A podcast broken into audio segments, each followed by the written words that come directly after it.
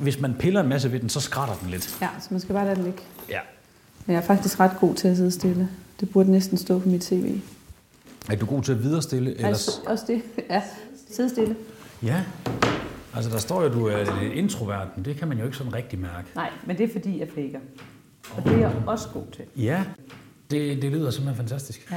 Foruden at du jo har meget, meget smukt krøllet hår, Tak, tak. så kunne jeg jo godt tænke mig, at den måske ikke var lige oven i mikrofonen. Sådan der.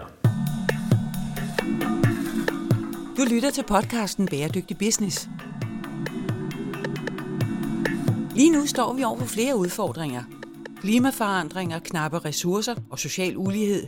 Men i denne podcast lægger vi idealismen på hylden og undersøger, hvilken rolle verdens virksomheder vil spille i omstillingen til et bæredygtigt samfund. Tag med, når CSR-direktør og foredragsholder Steffen Max Hø taler med førende eksperter og undersøger, om der er penge i at tage et socialt og miljømæssigt ansvar. Anne Skar, jeg har jo fulgt lidt med i, hvad du har lavet. Fordi at jeg synes, at jeg synes, at du er ret Som spændende. stor, stalkeragtigt, eller? Jamen, jamen, ikke på den ubehagelige måde. Altså, det kommer an på, hvordan du vurderer. Altså, jeg synes jo, dit hus er fint ja. Ja. udefra, men altså, jeg kan jo ikke se alt i den der infrarøde kamera, når det er. Men jeg synes, at det ser pænt ud. Og øh, jeg ved jo for eksempel, at du har fire børn. Det har jeg. Drengebørn. nogle af Drengebørn, ja. Den blev kørt ind med penis. Ja, det skal jeg da lige love for. Ja. Nu har jeg to børn, hvor jeg har gudskelov en pige og en dreng. Ja. Hvordan, hvordan holder Men det er fordi, du det? tænker dobbelt op. Du tænker, fire børn er det samme som at have to børn gange to. Jeg tænker fire Du tænker på dit, og så tænker du måske på min dreng og ganger her med fire, ikke? Ja. Og så, og så tænker du, fuck mand, med det arbejdsniveau, jeg kører i forvejen, og det kaos, og ja. alt det der. Hvis der Ja. var dobbelt af det, ville jeg dø. Det er Ja. det, du tænker, Det, ikke? det, præcis. Ja, men det er jo sådan, det er. Ej, det er fordi, der er skala i at have fire. Jeg har aldrig haft to.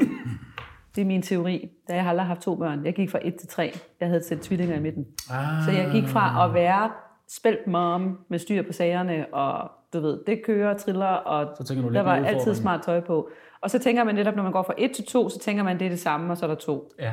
Det går galt. Så kører du simpelthen alt for højt, altså vedligeholdelsesniveau. Hvor Jeg gik fra tvillingerne 1 til fra? 3, de var nummer 2 og 3. Så jeg gik fra Ah. styr på sagerne til total motherfucking raving chaos. Men så forstår man jo heller ikke, hvorfor du ikke lærte lektien der. Hvordan det er får du så fordi, nummer jeg fire? tænkte bare, at det var bare så hyggeligt at få altså en fjerde, hvor, man, hvor der kun var én, og så kunne man bare sidde og hygge med én. Jamen, altså, jeg kan lige sige, min nye kæreste, hun må ikke, øh, hun må ikke høre den her podcast, fordi at, øh, vi har jo lidt den der snak om flere børn. Ja. Jeg kan jo, altså mine børn er jo 11 og 13. Ja, okay. Det forstår jeg godt. Så skal man til at starte forfra. Læringsbarn er kun to år. Ja. Så der er altså ballade på øh, der. Jeg kan kun sige, at lyst og glæde er ikke det samme. Så det er ikke at have lyst til at få flere børn. Mm. Men man ved jo godt, hvis du fik et mere, så ville du blive super. Ja, det er jo det. Man kan ikke rigtig... Det er meget smart, man er ikke øh, sådan genetisk disponeret til at elske ja. de der børn så meget, som man gør. Ja. Men, øh, men hvordan fanden når du laver alt det arbejde? Ja, jeg ved ikke, jeg tror, jeg fejler noget. Ja. Et eller andet. Det, Det tror var jeg også sådan umiddelbart min ja. første tanke. Altså, jeg læste to, jeg læste to øh, akademiske uddannelser på samme tid. Jeg læste fuldtid statskundskab, fuldtid biologi og arbejdede fuldtid på en restaurant ja. På samme tid. Ja. Men der var jo ikke noget, der hed. Altså, der var ikke nogen diagnose dengang. Der var, nej, der var ikke en diagnose, der indkapslede det. Men jeg kan huske, jeg havde det også sådan, at det der med, at hvis ikke jeg havde noget at lave, så blev jeg simpelthen så hyper, og ikke til at have med at gøre. Og, Ja. Så jeg har det bare godt, når, der, når det kører. Så kører jeg bare lavet rigtig meget. Men du må også være lidt en kompleks sjæl, ikke? hvis man bare kigger på dit uddannelsesbillede, altså biologi og statskundskab. Jamen, jeg er nysgerrig. Ja, Det er mest det. Jeg er super nysgerrig. ja. Og jeg kan ikke lide, når folk putter ting i kasser. Du læste nu biologien der først? Ja, Okay. Og hvad fik dig så til at hoppe over på, by, på statskundskab? det var en af min far. Altså, jeg kan godt finde på noget, hvor det lyder pis godt. Men Ja. i princippet var det en af min far, der sagde, biolog, altså, der er ingen biologer, der får fast arbejde. Så du er nødt til at... Det var fordi, det var før miljø. Det var Jeg lige til at sige. Svend Auken var minister på det tidspunkt. Ja, han havde taget den ene, var- den ene job, der var. Ja. Og det, Og miljø og bæredygtighed, det var bare en undskyldning. Altså økologi var en undskyldning for ikke at være skulderødderne, når man solgte dem til københavnerne. Og bæredygtighed, det var noget pis. Ja, fuck bæredygtighed. Og det var specielt sådan noget med, at, at det, var, det gik jo ud over alt. Altså bæredygtighed var sådan en stopklods til, så kan man jo ikke få lov til at gøre det, man har lyst til. Det er jo forfærdeligt.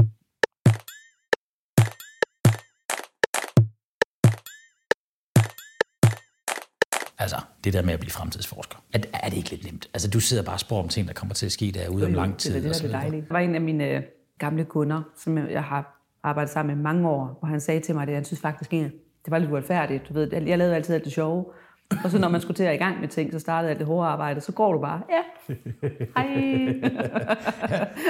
Gør noget af det Vi her. ses. Vi ja. ses. Så, så jo, på den måde kan man godt sige, at det er meget nemt. Og det synes jeg egentlig også, at invitere folk til at sige, men det er forholdsvis nemt. Altså, vi sidder jo alle sammen omkring et middagsbord og drikker to glas rødvin, og så lige pludselig sidder vi og snakker om, hvad tror du egentlig, der kommer til at ske? Så kan alle jo med være med til at snakke om algoritmer og robotter, og hvad skal du lave, når du bliver gammel, og hvor skal du hen på ferie? Ikke? Så er vi jo i princippet alle sammen futurister. Mm.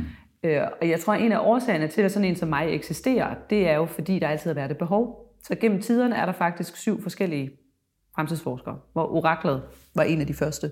Oraklet fra Delphi var i 1000 år verdens centrum, et sted, hvor man gik hen for at stille spørgsmål, som sådan en pilgrimstur. Så det var ikke den samme person, der sad der i 1000 år. Det var bare fordi, at positionen som orakel for Delphi, den skiftede man ud løbende.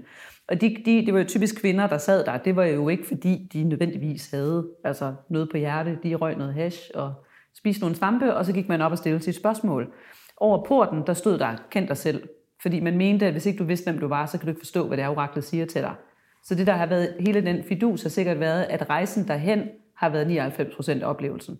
Det er, at vi gik, du ved, og så mødte vi hinanden, og du kommer derfra, jeg kommer herfra. Mm. Og så vi mødtes, og så, hej, nå, hvad, skal, hvad skal du spørge om? Og så, jeg skal spørge om det her, når jeg skal spørge om det her, og så du siddet og tænkt, skal man spørge om noget? Det her, jeg har sgu da ikke fundet ud af, hvad fanden skal man spørge om? Og så har vi snakket om det, det der med værdien af at kunne stille et godt spørgsmål. Hvis du kunne spørge et orakel om et eller andet, hvad vil du egentlig spørge om? Og det, det er jo altså den der introspektion til at sige, men min fremtid, hvad vil jeg gerne vide? Hvad fanden er egentlig interessant for mig, hvor jeg skal tage ansvar for noget? Det tror jeg har været altså 95 procent af oplevelsen. Og så er du kommet ind til oraklet og givet hende kylling, og så har hun sagt, og så har man bare tænkt, kæft mand, fuck hun er klog. Og sådan er det jo lidt med mig, ikke? Jo, men bortset fra, at folk, når de kommer til dig, så spørger de jo også om noget, der ligger ude i sådan relativt nær fremtid. Så de vil vel næppe komme tilbage, hvis de ikke opdagede, at tingene de ligesom virkede, noget af det, du siger. De kommer tilbage, fordi at jeg, altså enten fordi de synes, det er interessant, spændende, sjovt, provokerende, men også meget tit, fordi jeg rent faktisk har ret. Og der sidder jeg også nogle gange og tænker, hvad fanden har jeg egentlig haft det? Altså, når jeg sidder og kigger på noget, hvor man har lavet nogle forudsigelser for 10 år siden, og jeg laver altid, eller vi gør det altid som redskabsgymnastik. Altså, jeg, når jeg læser noget, ser noget, hører noget, min næste tanke det er altid, hvem er det relevant for, hvordan skal jeg kunne formulere det, sådan at de kan bruge det til et eller andet. Mm. Så for mig vil det aldrig være nok. Det er også derfor, jeg har en privat virksomhed. Det er fordi, så er jeg hele tiden tvunget til at skulle fungere på markedsmekanismer. Mm. Jeg kan godt lide at have røven i klaskehøjde.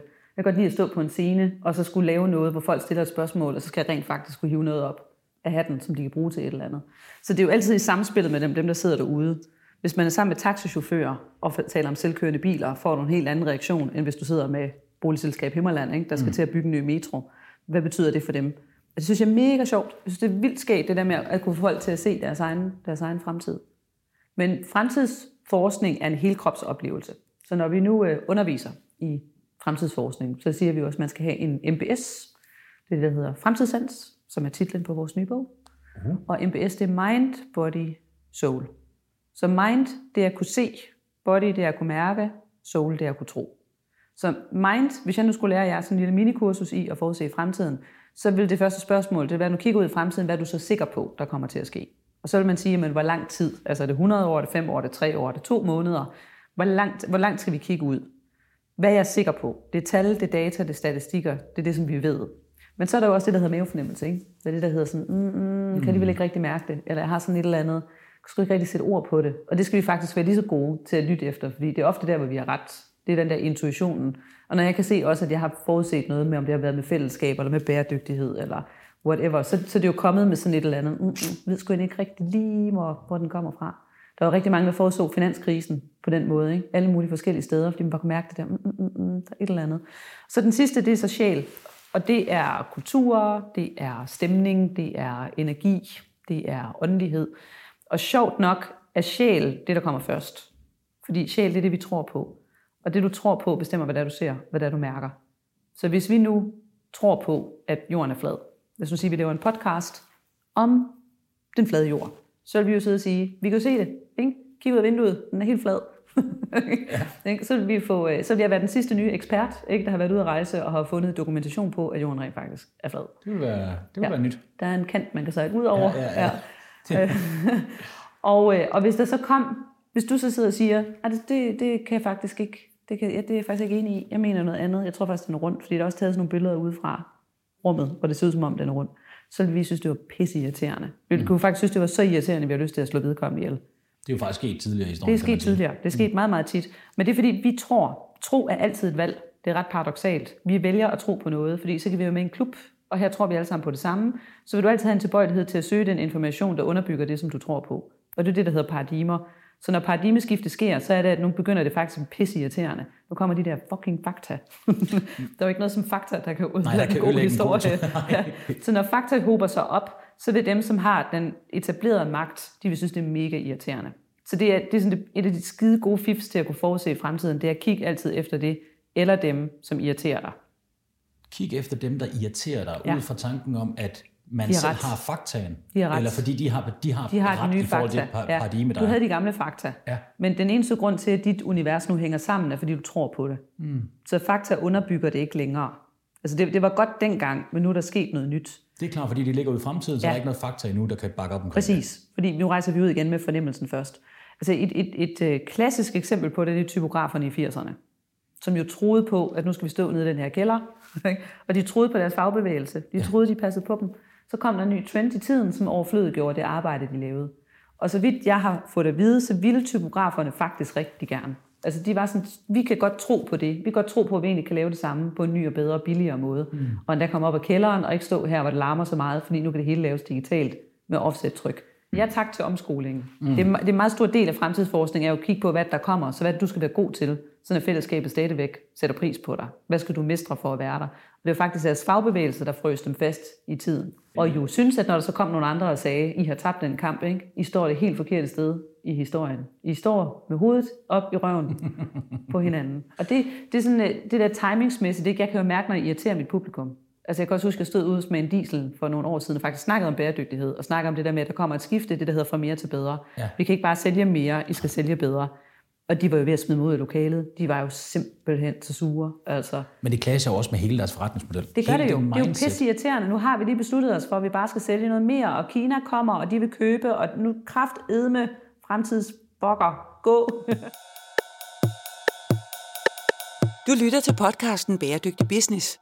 Men hvordan arbejder man så med det? Fordi nu giver det virkelig mening, det du siger med at kigge på dem, du er uenig med. ja, Og, og fordi jeg kan jo, altså, så kan man sige, derfra hvor jeg sidder, så tror jeg jo på, at verden bevæger sig i en retning af, at vi kommer til at kigge på helt klart bedre og ikke mere, men det kommer også til at gå i retning af, at vi skal have nogle løsninger, som er, er bæredygtige, Ja. og ikke i den her fortærskede forstand, altså vidderligt i ordets bredeste betydning, at det skal kunne harmonere med, med den planetære grænser, med mennesker og med en økonomi i en virksomhed, hvor de skal tjene nogle penge.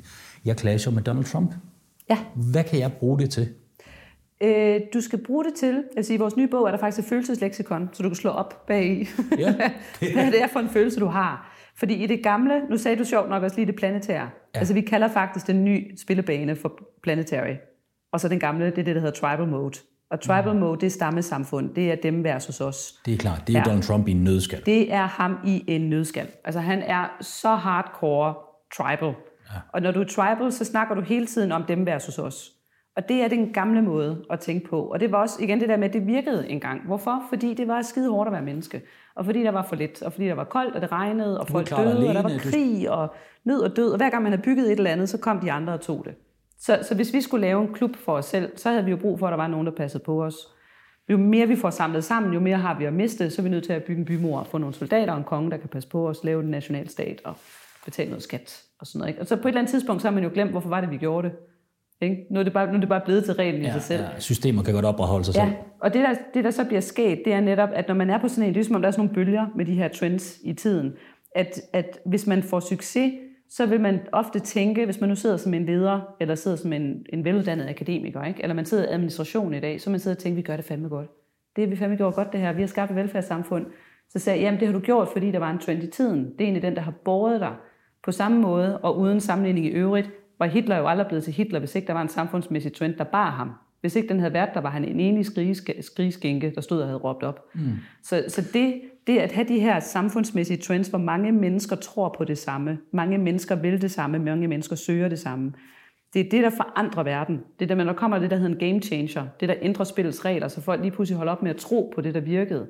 For eksempel er der jo rigtig mange i dag, der ikke længere tror på folkeskolen, tror på uddannelse, men jeg tror egentlig ikke rigtig længere på folkeskolen. Der er også rigtig mange, der ikke længere tror på velfærdssamfundet. Gjorde vi engang, nu skal vi til at lave noget andet, så står dem, som egentlig har haft magten, så står de og tænker, hvad fanden skal vi så gøre? Fordi de har ikke øvet sig på fremtiden. De er skide gode til nutiden og til det administrative, og det der var lige nu. Så bliver man pissebange. Så, så den der med igen at tænke, hvor irritation og vrede og angst, det er sådan ligesom de samme grundfølelser. Du skal egentlig finde ud af, hvad er det, Donald Trump trigger ind i dig. Mm. altså gør han dig irriteret, så er det fordi, han har ret.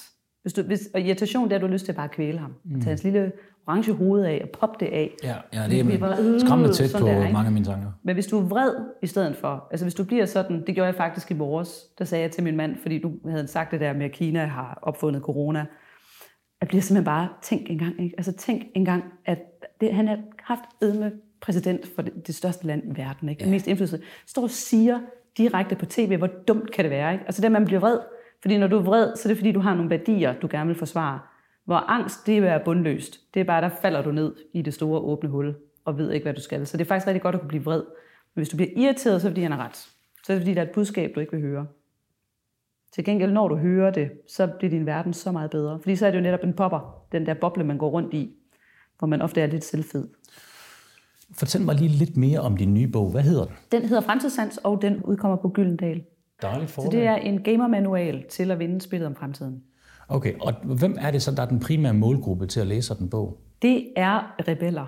Rebeller? Ja. Ja, ja hvis man er til Star Wars, så er det det. det, er, det er til øh, folk, som øh, kan mærke, at der er noget på spil. Hvis man sådan kan mærke ind i sig selv, det her, det, jeg, jeg kan mærke, at det her det simpelthen er en epic time, vi lever i. Jeg synes jo, vi lever i en science fiction film. Jeg kan godt forstå, at folk de er forvirrede og bliver helt apatiske og bange og tror ikke, de kan noget. Men jeg tror, at, at den tid og de næste 10 år, vi går ind i, det er historiebogsmateriale. Det er simpelthen så glad for, at du siger, fordi at det er helt klart også min oplevelse, at der sker noget særligt lige nu, ja. men jeg har jo imod ikke været her ret lang tid. Tror du ikke, alle folk i alle tider har tænkt, okay, det går stærkt nu. Altså dengang, at dampmaskinen kom frem, ja. tror ikke, man tænker, okay, nu sker der virkelig noget fremskridt. Altså. Jo, men jeg tror ikke, at de flertal har været bevidst om det. Jeg tror, de har været travlt optaget af alle mulige andre ting. Altså hvis du levede i middelalderen, så det at se et smukt menneske for eksempel, det var jo noget, du så en gang om året, altså afhængig af, hvor du boede henne. Så du var ikke bevidst om, at der var noget, der hed skønhed, eller at skønhed kunne være noget atroværdigt for mig. Øh, forbrugersamfundet stammer fra 60'erne, så alt det der med, at vi skal købe og forbruge og eje mere, end vi egentlig har brug for, det er også en forholdsvis ny ting. Mm. Så, så jeg, tror ikke, jeg tror, at vi lige nu har en ekstrem bevidsthed i flertallet. Mange mennesker har lige pludselig kommet derop, hvor det egentlig kun var filosofer og adel, der var blevet frikøbt til at kunne sidde og have en overskudstanke. Det tror jeg ikke, at flertallet har haft. Og hvis vi har tænkt, fuck, det går godt nok stærkt, så er der jo ikke nogen, der har indkaldt, altså dengang dampmaskinen kom, eller industrisamfundet startede, der indkaldte man jo ikke sine medarbejdere til sådan et lille, du ved, ned på henskavl, hvor de skulle spise nogle rejer og snakke om fremtiden. Vel? Langt, langt, langt de fleste arbejdspladser, i, i hvert fald i et land som Danmark, vil jo løbende indkalde deres medarbejdere til et lille seminar, en lille workshop, mm. et sommertræf, et mm. eller andet, ikke? hvor man så skal prøve at se, hvordan går det så med dig? De har fået noget HR. Mm. Ikke? Det havde man sgu da heller ikke for 50 år siden. Jo, det havde man nok lidt, men der var det jo sådan en fagforeningsting mm. igen. Ikke? Altså fag, fagbevægelsens kamp i gamle dage var jo at, at stå på mål for en kamp, der handlede om deres medlemmers rettigheder, i en grad, hvor du blev skudt, altså du blev skudt og kom i fængsel for at være medlem af en fagbevægelse. Men, og det er jo lige præcis, dengang var der jo også noget at tro på. Altså, ja. er, er mennesket ikke lige nu i, øh, i mangel på meningsfuldhed? Jeg mener bare, i gamle dage, lige præcis, altså et fagbevægelse, det var jo et valg om, hvorvidt ja. du havde et arbejde. Havde du ikke et arbejde, kunne du ikke forsørge din familie. Og det kunne meget vel være konsekvensen af, at du meldte dig ind i en fagbevægelse. Ja. Det samme med de store ismer, altså øh, socialismen og kommunismen og alle de her ismer, at de var jo også noget, man gik ind i med liv og sjæl. Og altså, hvad har vi lige nu? Altså, de store organisationer, de falder jo sådan mere eller mindre sammen. EU viser ikke helt at være funktionsdygtige. Menneskerettighederne, som ellers var sådan en, en grundstamme, er vi også sådan lidt shady omkring altså selv. En, en land som Danmark går ind og punkterer dem lidt i ny og næ. Og altså, hvad, hvad er det, der sker med mennesker, når vi ikke har det her tro på? Apropos krop, ja. sjæl og, øh, og mind. Så skal vi jo kigge ind i fremtiden, ikke? Ja. ja, det er jo derfor, at flere mennesker skal lære at forudse den fremtid der. Det vi gør, det er, at vi kigger tilbage. Så vi sidder, som bliver lidt nostalgiske, og så kigger vi på, hvad gjorde vi tidligere, eller hvem kan vi læne os op ad. Vi er i en omstillingstid, hvor de problemer, vi har lige nu, udfordrer os til at arbejde sammen på tværs af grænser. Hvor hvis vi går tilbage igen til fagbevægelsestid, ikke, så var de kampe, de skulle kæmpe her, det var rettigheden til at kunne få et arbejde. Det er også derfor, det hedder få et arbejde. Lave et mm. samfund, hvor arbejdsgiverne skulle stille arbejdspladser til rådighed for andre. Så der var den der med, at der er en uoverensstemmelse, fordi at når vi gør det og forhandler det, hvis du er min arbejdsgiver, og jeg arbejder for dig, så er det allerede gået galt fra starten. For jeg vil have en, en interesse i at maksimere de penge, jeg får fra dig, og du vil have en interesse i at minimere dem. Du vil gerne have mange timer ud af dig, jeg vil gerne have få timer ud af dig. Så den klassiske fag, fagforeningskamp er jo stadigvæk tid og penge. Mm. Det er to konflikter, der står op imod hinanden. Ja, og det, det er jo det, hvor man så, altså det synes jeg jo ikke, at man skal være ret meget fremtidsforsker for at kunne se, men det, det holder jo ikke længere, fordi der er jo ikke nogen sammenhæng længere i, hvor mange timer du arbejder, og hvad du leverer.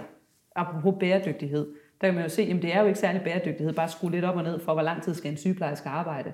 Det er jo ikke der, hvor hendes performance kommer fra. Den kommer i forhold til, at hun har en bæredygtig indstilling til, at jeg kan arbejde, have overskudsenergi, have tid sammen med patienterne og lære nye ting, så vi får den robusthed indbygget i vores samfund, som er så afgørende for, om vi kommer til at klare os. Så de problemstillinger, vi står med lige nu, de er planetære. Dejligt, du selv lige introducerede begrebet. Ikke? Altså se, det er ligesom et computerspil, at den gamle bane var tribal, og så spillede vi den. Og nu har vi bestået den, nu har vi kommet over alt det der. Så det vil sige, at alle de problemer, vi får fra nu af, de siger, arbejde sammen. I kan ikke længere lave det der dem versus os hold. I kan ikke, I, nu, nu, jeg, jeg tænker, hvis der har været sådan nogen, der designer computerspillet, så vil de også være startet med at sige, lad os prøve med noget med bæredygtighed. Ikke? Fordi hvis de nu bliver bevidste om, der er 69, ikke? der bliver de bevidste om, at de er på en planet. Og det skal vi også igen huske på, det er svært at sætte sig ind i, hvordan det var før. Fordi under 2. verdenskrig, hvis man ser nogle film fra 2. verdenskrig, så skal man huske på, der var jo ikke den bevidsthed om, at vi er i fællesskab på en planet. Der var nogen på den anden side af jorden, der var dumme. Altså, du ved, så kom der japaner, der pumpede Bøl Harbor, det kan det ikke være bekendt. Derfor skal de nu dø. Nej, nej. Men du hører ikke sådan en... Jeg, jeg kan huske fra min barndom, at Sting, han, han sang den der sang, I hope the Russians love their children too. Mm. Og der har jeg været 12 eller sådan noget. Ikke? Jeg bare husker, at jeg tænkte den tanke, gud, det gør de nok. Fordi jeg havde hele tiden fået det at vide, dengang jeg var barn, at russerne, det var nogle læsvin. Ja. Ikke? Og at vi havde beskyttelsesrum i kælderen. Man ikke længere tid tilbage end det der? Nej. Så, men, den, men den spillebane er bare slut. Altså, der er ikke nogen, der gider at tæske rundt i den længere. Fordi nu er vi derovre, hvor computerspillet begynder at designe problemstillingerne sådan, at vi skal vokse som menneskehed. Mm. Nu skal vi forstå. Ikke? Vi har været på månen, jeg har set planeten udefra. Godt, nu gider vi ikke flere den der type af problemer. Nu får jeg nogle problemer, der skal samle jer så er det det der computerspils øh, aliens, der ikke, de har sagt, bæredygtighed, lad os prøve med den. Den har vi nede i kassen, smider vi den ned, sender, skruer vi lige op, laver nogle huller i ozonlaget. Det kunne de fandme godt finde ud af. Det fik de sgu da fikset. Så lavede de nogle reguleringer. Nå, det går godt nok langsomt. Okay, lad os prøve at lave noget skovbrand.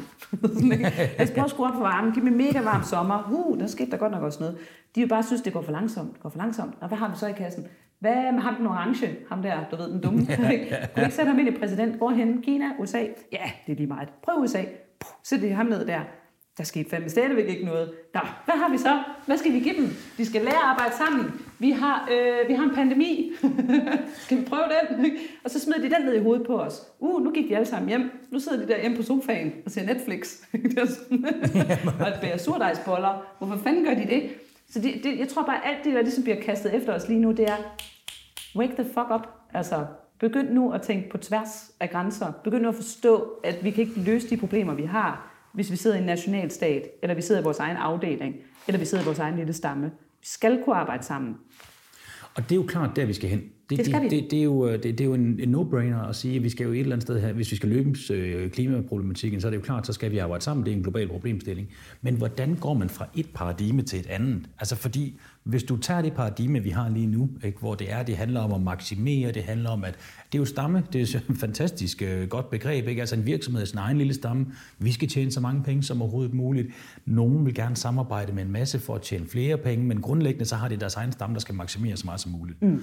Hvordan ændrer man hele det mindset op til, at vi skal gå sammen om at afgive noget til fordel for et stort fællesskab, sådan så vi faktisk alle sammen får det bedre, for eksempel ved man løser de globale problemstillinger, som klimaproblematikken? Altså noget af det skal vi jo finde ud af helt fra bunden af. Ikke? Altså hvor vi sådan står som i vores egen generation, kigger ind i fremtiden og så siger, okay, det her det er der ikke nogen, der har prøvet før. Det vil sige, at vi skal også kunne finde ud af at lave nogle løsninger, som ingen nogensinde har set før. Så hvis man nu tager sådan noget som øh, øh, crowdfunding, eller Kickstarter, mm. eller det i virkeligheden også sociale medier. Altså, hvordan bruger man egentlig dem på deres egne præmisser? Hvordan bruger vi digitalisering til den måde, som den er beregnet til at blive brugt til? Jeg tror, at vi vil få øh, digitale penge. Så en af de der, kan man sige, game changers, der skal være på plads, for at vi kan lave sådan en omstilling, det er, at vi skal have økonomien med. Der er jo ingen tvivl om, at den næste forretningsmodel er bæredygtighed. Mm. Altså jeg vil godt argumentere for, at bæredygtighed i virkeligheden er en forretningsmodel. Hvor den gamle forretningsmodel den er lineær, så den fremtidige forretningsmodel den er cirkulær. Problemet det er bare, at ikke alt bliver indregnet i den model, i den, altså kan man sige den klassiske. Jeg har set en eller anden undersøgelse et sted, hvor de dokumenterede, at hvis alle de traditionelle erhverv skulle indregne den omkostning, de sender videre til det næste led i kæden, så ingen af dem, der laver overskud. Mm. Altså sammen sådan noget som shipping, eller det konventionelle landbrug, eller byggeriet, og siger, okay, det du sender videre i, i forhold til, du ved, der bliver skabt noget allergi, eller der bliver skabt øh, ufred ja. i verden. Eller udledning af CO2, udledning eller hvad CO2. på. Hvis du selv skulle at bære de omkostninger, som samfundet i virkeligheden bærer for dig, så er der ingen af dem, der tjener penge. Så det, det der med, at økonomi er jo på en eller anden måde også broken. Altså, at den virkede også til de gamle spilleregler. Nu er vi nødt til at lave en anden form for økonomi. Så hvis vi kun får økonomien til at følge med, øh, så vil det jo netop svare til, at vi laver de mål, som gør, at folk retter ind efter dem. Ikke? Ligesom hvis vi nu siger, at vi har en øh, folkeskole, og vi smider alt muligt efter dem med folkeskolereformer, fællesskaber og social læring, de skal stadigvæk til eksamen i 1860. Mm. De skal stadigvæk til eksamen i Ja. dansk og matematik. Vi får det, vi måler og vejer Vi på. får det, vi måler på. Hvis vi nu lavede det om, og så sagde vi, at enten laver vi det igen på sådan en central planlægning, og sagde, at vores børn skal op i bæredygtighed, eller de skal op i sjusning, eller de skal op i konfliktløsning, eller de skal op i håndværk. Og så må de sådan set selv om, hvad det er, de går op i, når de laver håndværk, men så skal de vise, at de kan alle de andre fag, når de går op i det. Det vil jo give meget mere mening.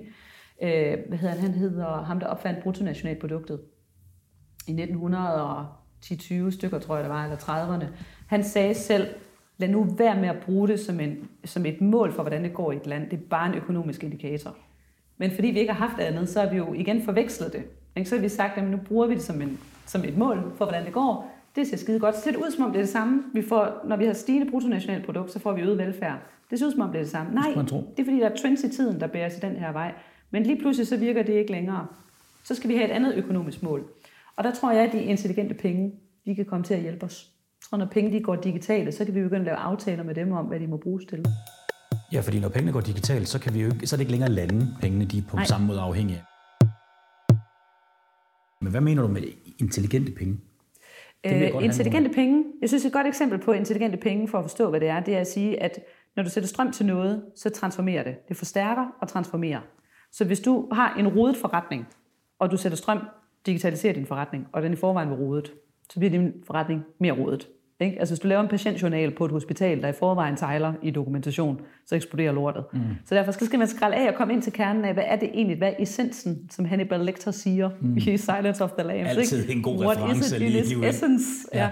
Og når du så ved, hvad det er, du skal, hvad det er for en værdi, du skal skabe, som jo i virkeligheden er det her med, at der kommer et menneske ind, som er et sundhedsprojekt, og nu skal jeg sørge for, at du får det bedre, så skal der rigtig mange ting til at fungere, for, for at få det til at fungere. Så det der med at sige, at du kan skære ind, og så kan du booste det ved hjælp af det digitale, og så transformere det. Så bliver det til noget andet. Så hvis du tager sport og sætter strøm til sport, det er jo ikke e-sport, vel? Så det, det er at transmittere en udsendelse på tv. Ja. Ikke? Men e-sport, det er digital sport, det er noget ja. helt andet end Det- sport. Ja, og det er blevet en kæmpe hit. Ja, og det er jo en transformation, ikke? Det er jo noget helt andet end det, som vi troede, det var. Og penge, det vil være det samme. Så når vi går digitalt med penge, vi bliver, så vidt jeg ved, sammen med Singapore og Danmark, bliver nogle af de første lande i verden, der går 100% digitalt. Så vi har ikke nogen sædler, vi har ikke nogen kroner. Er det din øh, fremtidsvurdering? Det har jeg fået at vide af Nationalbanken. Nå, Ja. Øh, og, og det er jo fordi, at, at når, når, når vi kan komme af med alle de der fedtede kroner, altså også Ja. i forhold til, at det er jo en smittekilde corona, uden lige, ja, corona, de fedtede coronas, så er der bare mange fordele i kun at have en digital økonomi. Den er meget nemmere åbenbart at styre og tjene penge på og overvåge og se, hvor man er henne. Men det skaber selvfølgelig også igen, fordi det forstærker og transformerer alle mulige nye problemer. Ja. Men når penge så bliver digitale, så vil du kunne bruge dem til at træffe beslutninger med. Så du vil kunne lave et intelligent budget i din kommune. Så vil vi kunne stemme på, hvordan, altså når du betaler dine skattekroner, kunne du ikke godt tænke dig at vide og sidde og følge med i, hvad bliver de egentlig brugt til? Jo, ligesom om du investerede dem. Og det vil sige, at alt det der med at investere penge, det har været forbeholdt en lille gruppe af mennesker, som har tjent mega mange penge på at kunne investere penge. På at købe huse, på at øh, købe vognparker, eller hvad det er. Ikke? Og så har de tjent boksen på det. og de har reelt ikke leveret noget til Så de har ikke samfundet. leveret en skid. Det kan demokratiseres. Det kan komme ud på vores øh, folkehænder i stedet for. Så når du kan betragte alt, hvad du laver som en investering. Alt, hvad du har i faste udgifter i dag, det kan blive til en variabel indtægt. Men prøv at det lyder jo fantastisk, for slet ikke at snakke om hvidvask og alle de andre ting, man kunne få fikset på den her måde. Men hvordan i Guds navn får man opbakning til det? Altså, der, har, der ved jeg sgu ikke, om jeg har så meget tillid til, øh, til politikerne Så er versus tro, jo. lobbyismen. Ja. Ja. ja, det er selvfølgelig Det er det med, at man skal egentlig starte med at vælge, hvad man tror på. Mm. Ikke? Og, så, og så netop det der med at være bevidst om, det er et valg. Men det er jo også det, der er så spændende ved bæredygtighedsagendaen. Ikke? Det er, at den er jo total afsavn for positive visioner. Ja, Ikke? Vi det er en ikke, stor straf. Ja, jamen det, det, det, det er en stor straf. Folk de tænker, at det skal løse. Åh, oh, det er sådan træls noget. Vi Ah, skal slukke træls. alting, og vi må ikke åbne ting, og vi må ikke gøre dit, og vi må ikke gøre dat. Ja. Hvor er det? Det er jo en perfekt mulighed til at skabe det der samfund, vi gerne vil. Ja. Men det er også bare lidt svært i en verden med uh, Xi Jinping, og med Donald Trump, og med øh, øh, Bolsonaro og så videre, ikke? at tro på, at mennesket som helhed, eller mennesket som, øh, som art, kan træffe intelligente beslutninger kollektivt. Ja. Individer er gode nok, men kollektivt, not so much.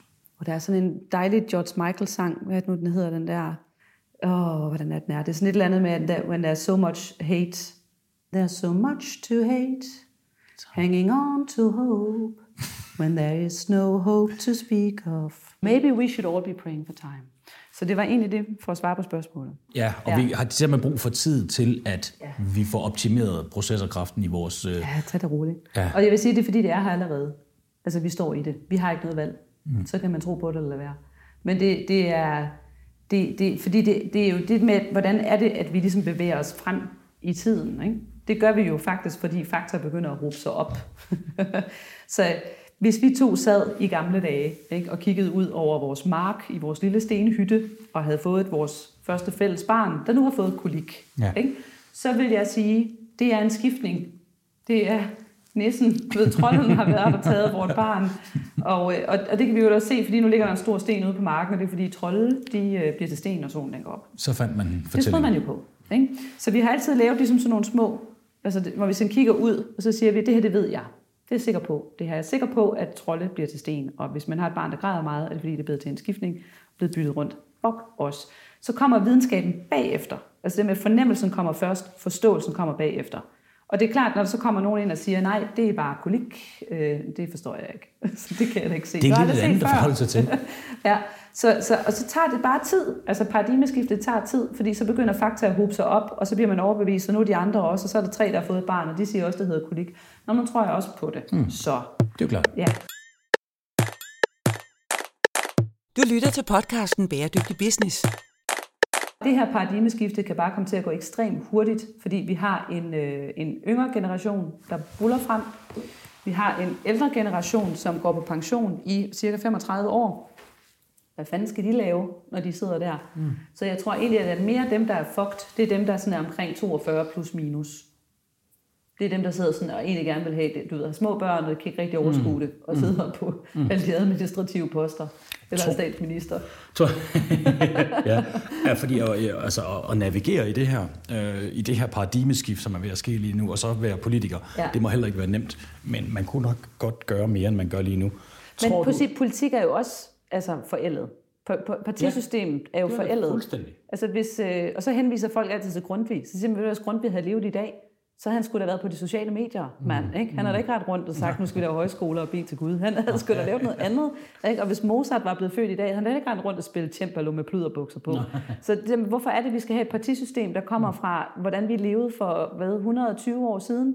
Hvor, hvis jeg kom fra landet, jamen, så melder jeg mig ind i Venstre, og så læser jeg den der avis. Og hvis du kommer fra byen, jamen, så melder du dig ind, og så læser du aktuelt. Så fik vi jo kun vores nyhedskilde, vores egen små Ja, det er bobler. klart, det er vi er tilbage ved start igen, ikke? Det er skidespændende, men, og jeg, jeg kører den fuldstændig. Jeg tror, vi skal den her vej til den her forandring.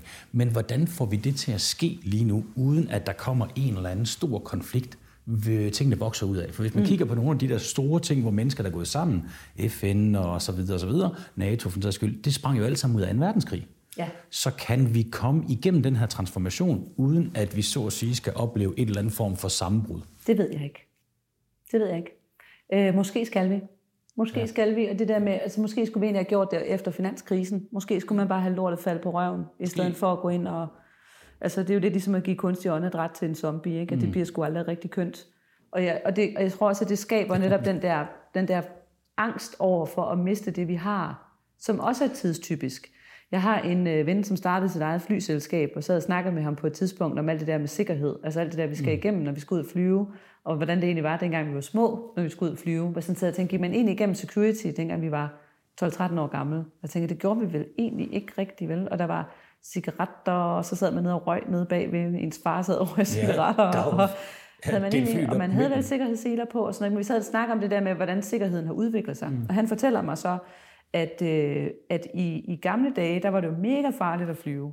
Det var derfor, man fik så meget credit, når man fløj jorden rundt, som øh, Emilia Earhart, ikke? som fløj, eller hun ikke flyve over Atlanten, eller flyve et eller andet. Altså det, med, Nå, fordi det var jo med livet som indsats, når Ja. du tog afsted. Ikke? Så det gav simpelthen så meget street cred, mm. at du fløj.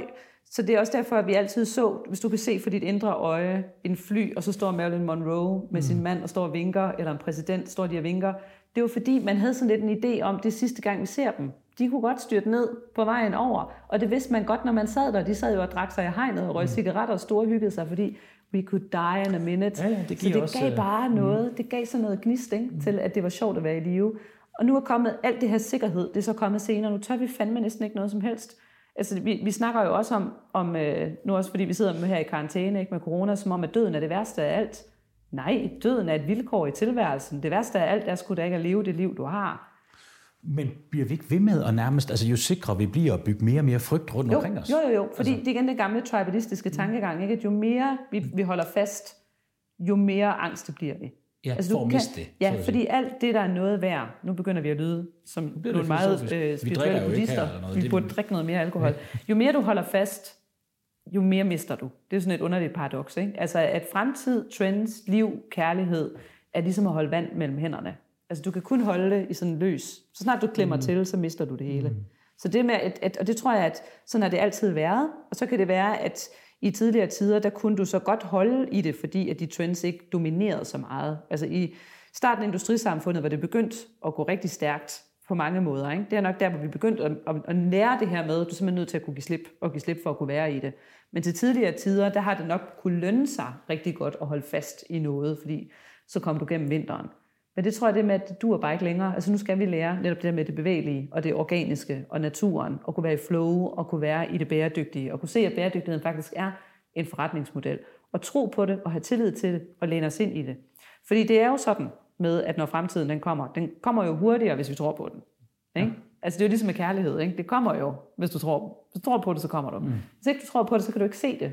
Nej, så er man ikke måben for det, ikke Nej, så du hele tiden sidder og siger, mig elsker du mig, mig elsker du mig. Mm. Ikke? Jeg elsker dig bare mega meget. Jamen, du har bevist det. Mm. Kom med en buket blomster til mig, ikke? så kan jeg se, at der er et eller andet. Gør noget for mig. Men sådan fungerer kærlighed jo ikke. vel?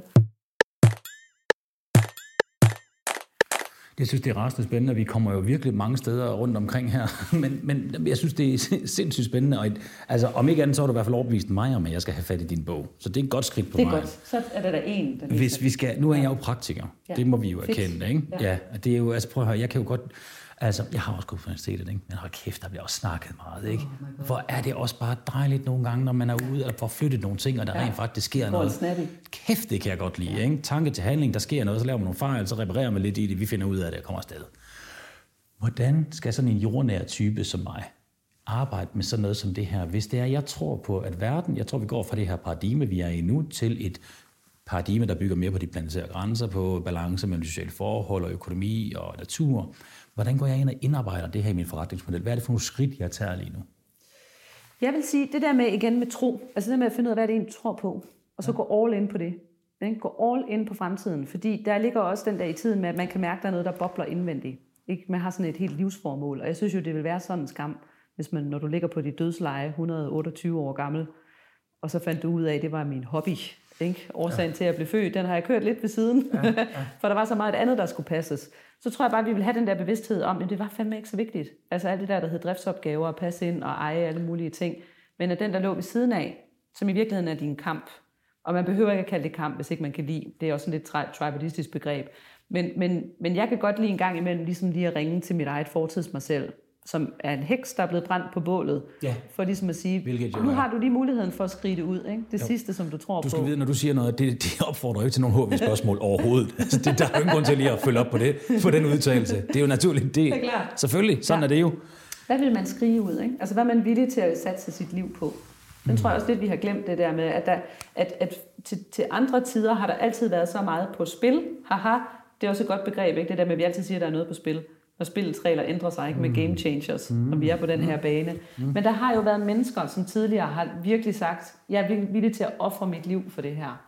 Jeg er villig til at kæmpe for det her. Jeg er villig til at satse alt for, at det her det bliver til noget. Og hvis du er der, hvis du er et af de mennesker i verden, der rent faktisk kan føle det ind i dig selv, er faktisk villig til at sætte hele pladen på det, som jeg tror på, og så gå lige ud på det. Det er ligesom at lære at svømme.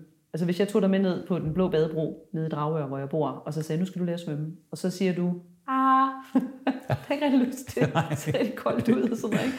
Så vil jeg sige til dig, at du skal bare tro på det. Ikke? Men det vil ikke være nok. Men tro Ej. for dig i vandet. Ikke? Så for, ja, hvis jeg kan overbevise dig om, at jeg kan lære dig at svømme, men du ved det ikke, fordi det er bare ord, der kommer ud af min mund, men jeg kan overbevise dig om, at hvis du selv tror på det, og du er villig til at bare tage det første skridt og gå ned i vandet, og så pjaske lidt rundt, du skal bare gøre lidt ligesom en frø, så har du en masse dårlige oplevelser, men du vil også få en succesoplevelse. Det er det, vi kalder for magic moments, altså magiske øjeblikke. Mm. At, at det er ubehageligt, det er frustrerende, men du mærker, at du lever. Du gør det, du er lidt stolt af dig selv, og du flød faktisk i to sekunder. Det vil sige, at jo mere du gør det, jo mere du bliver ved med at gøre det, det er tro, der får dig i vandet. Men lige pludselig så ved du, at du kan. Når du kan svømme, så ved du, så behøver du ikke tro på det mere.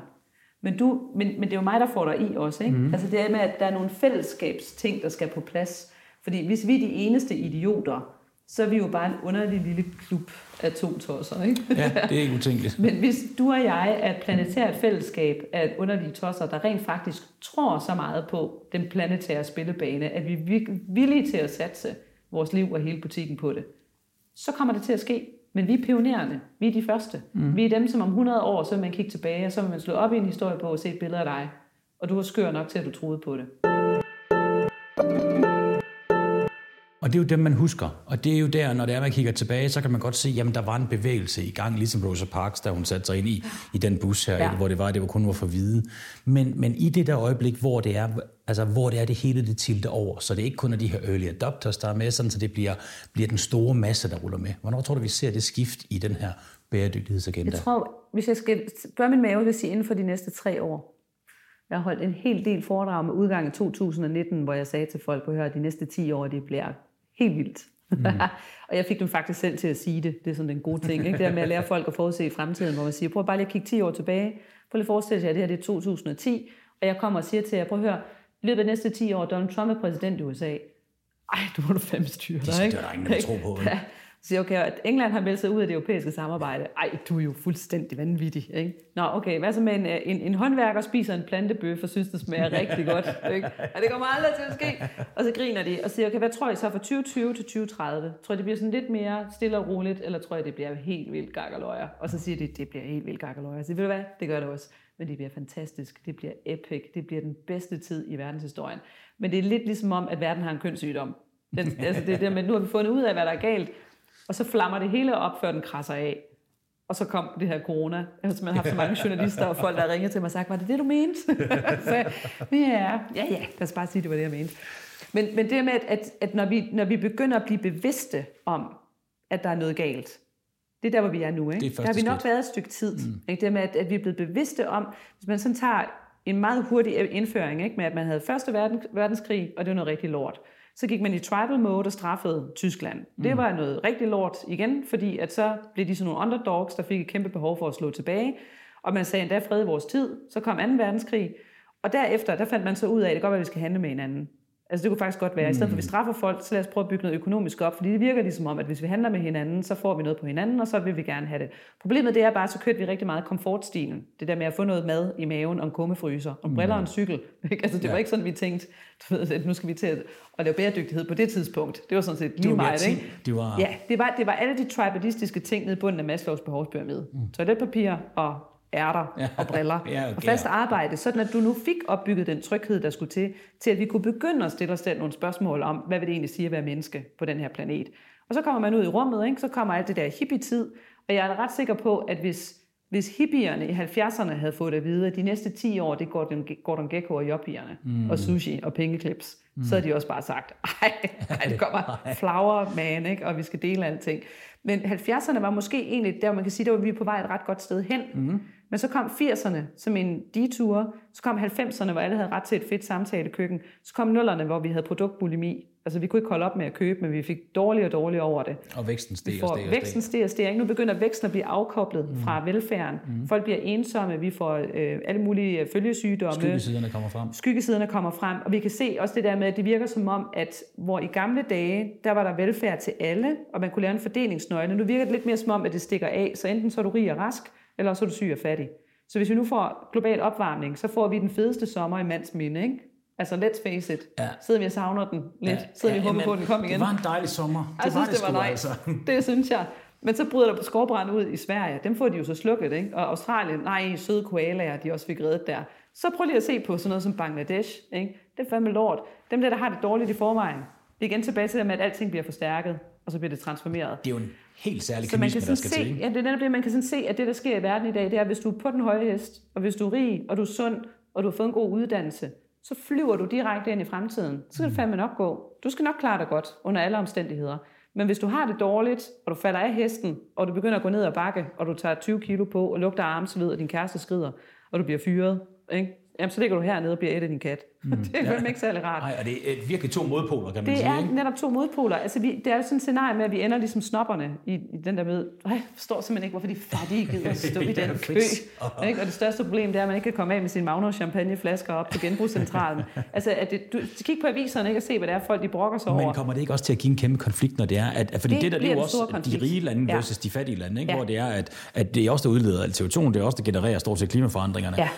Og så er det også der nyder godt af, at vi får det lidt varmere, og det er fint nok, Ja. og det bliver ubrugeligt andre steder. Men i en digital verden, hvor alle folk kan se, hvordan hinanden har det, Ja. det kan sgu da kun gå galt. Det er jo det. Det er jo lige præcis det. Det er netop det der igen med bevidstheden om. Mm. Altså for bevidstheden om, det havde vi ikke for 100 år siden. Det her det er første gang i verdenshistorien, hele verden er blevet stemt hjem af aliens. Ikke? Ja. vi er sådan blevet stemt hjem. Slå hjem i Ludo. Gå hjem og sæt jer på sofaen og reflektere over, hvorfor I gør, som I gør. Og så går vi i gang med at bage surt iceboller. Ikke? Og, men, men vi har jo aldrig haft sociale medier, samtidig med, at vi har sådan nogle paradigmeskifte. Mm. Det vil igen sige, at bevidstheden bliver øget, og, og egentlig er et budskab også lige her nu, det er, at bare det at have bevidstheden om det, er godt. Mm. Altså bare det, at du ved, at det, der er noget her, jeg skal kæmpe for, og jeg ikke vil tilbage til det gamle. Allerede der er du planetary. Du er fremtiden.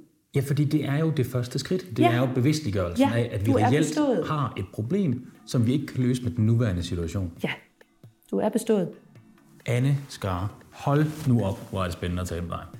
Tusind tak, fordi du ville uh, lege med os. Velbekomme. Fornøjelse.